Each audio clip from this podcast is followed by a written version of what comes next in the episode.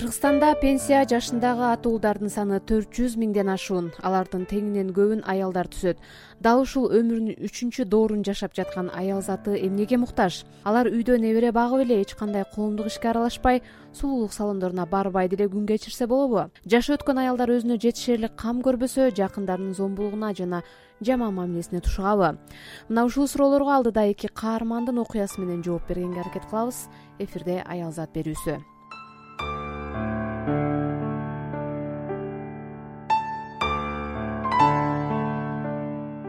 сексен тогуз жаштагы токтокан абдылдаеваны көчөдөн капыстан эле жолуктурдук.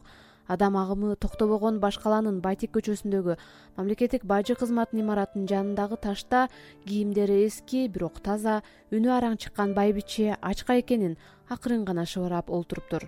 Жанына басып барып акыбалын сурап кепке тарттык. Эки кызым деле бейчара колдорунда жок өздөрүнүн балдарым багылбай атат. Ошо балдарына берсин анда деп эшикке кетип калдым. Канча жаштасыз? Мен сексенден токсонго кеттим. Токсонго кеттиңизби а жаш кезиңизде эмне кылчу элеңиз мен актрисамын. Кдкеванын окуучусумун. Кдкеванын үйүнө жатчумун. Жаш кезде бери жагында орус драма театры бар ар жагында кыргыз драма театры бар. Ошентип жүрчүмүн жаш кезде жакшы болчумун жаш кезде акча алганда эле кийим алчумун. Кийинейин деп эле тамакты билчү эмесмин жакшы кийинсем деп. Анан азыр ушул ушинтип отурам. Пенсияңыз канча сом миң сом. Миң сом пенсия аласызбы миң эле сом пенсиям. Анткени документ таап бере албай калдым.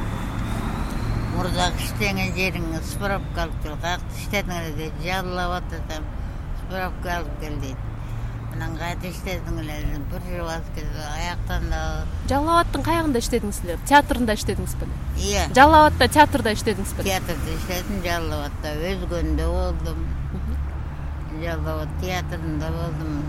Бери жагында танцы плашка тиягында анан жана вышкасы бар. Ошентип жүрдүм. Азыр эми иштебейм.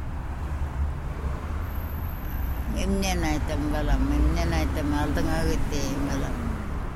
Ошо сенин сураганыңа жетине албай мага сооп болот. Эчтекем жок ушунтип карыганда иштебей ушинтип отурам. А сиз жанагы э, карыгандардын үйүнө баргыңыз келбейби аяка баргым келбейт балдарым бербейт аяка бербейби? Бербейт. Ал жерде өлсө сөөгүн бербейт экен кайра. Өздөрү көмөт экен. Ошон мени бербейт аяка а сиз азыр жакшы кийимдерди кийгиңиз келеби?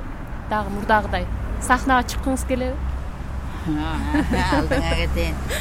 Сахнага азыр мурдагыдай бийлей албайм. Танцовщик кыргызский танцовщество деп бийлеп жүрчүмүн жакшы болчумун анан азыр эмне? Азыр иштебейм. Үйүм жок. Бир бечара кемпирмин.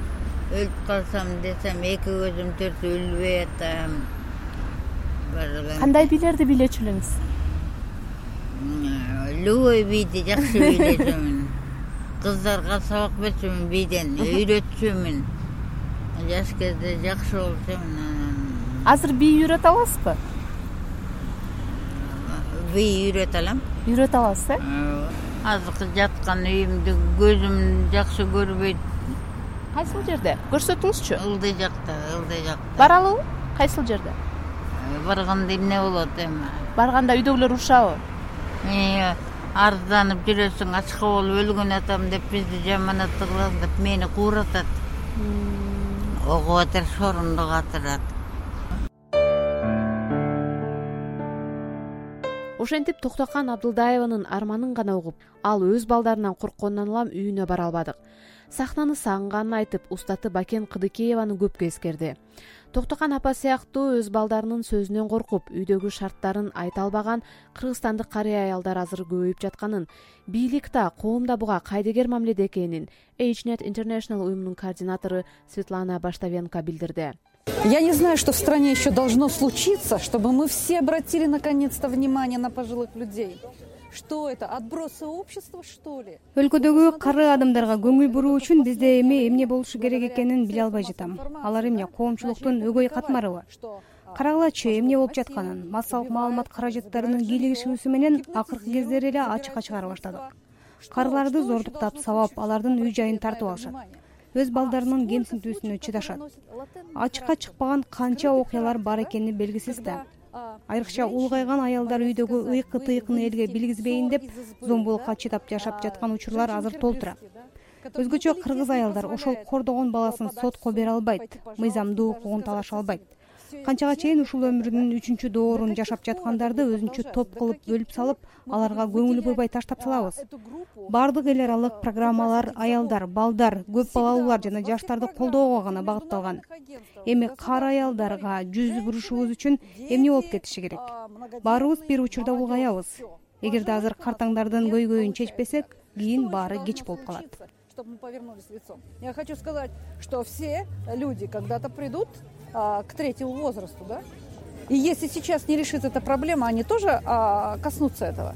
Кадырман угармандар сиз угуп жаткан азаттык радиосунун аялзат түрмөгү. Бүгүн улгайган аялдардын көйгөйлөрү күнүмдүк жашоосу тууралуу сөз кылып жатабыз. Эки миң он бешинчи жылы британиянын депутаттары небере баккан чоң ата апалардын пенсиясына кошумча акы төлөп бериш керек деген демилгени көтөрүшкөн анан алардын болжолдуу иш акысынын суммасы чыгарылган эле.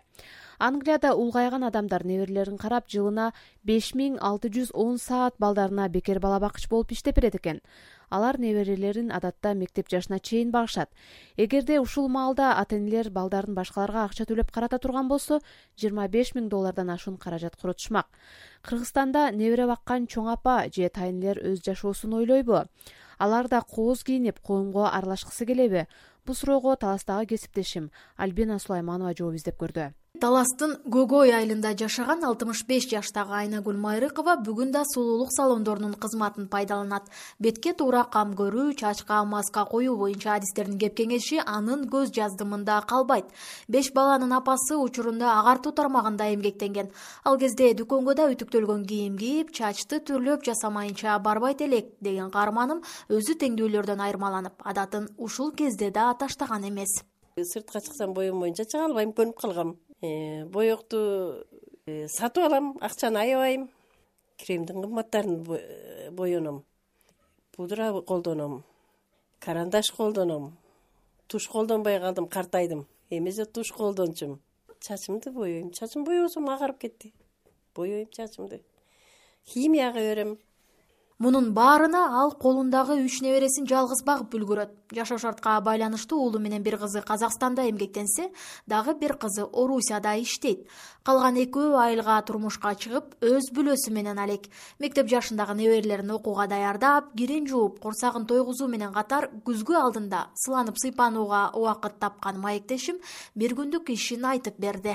Эрте турам намаз убагында турам буларды э, саат жетиде ойготом ойготуп экөөсүн окууга жөнөтөм. Бирөөсү жетиден жети жарымда кетет бирөөсү сегизден өтүп кетет. Анан түшкө чейин бирөөсү калат. Түшкө чейин баягы тирилик үйдөгү э, ушулардын кеткен эмелерин жыйнап тамагын эме кылып э, дайындап эртең менен жөнөтүп ошол менен кайта аларды жыйнайм. Идиш аяк жуам кир жуам анан түштө бирөөсүн жөнөтөм. Кайта экөөнү тосуп алам. Базарга барам. Өзүм э, ушулар тарбиячысы да өзүм жанагы завхозу да өзүм э, повару да өзүм.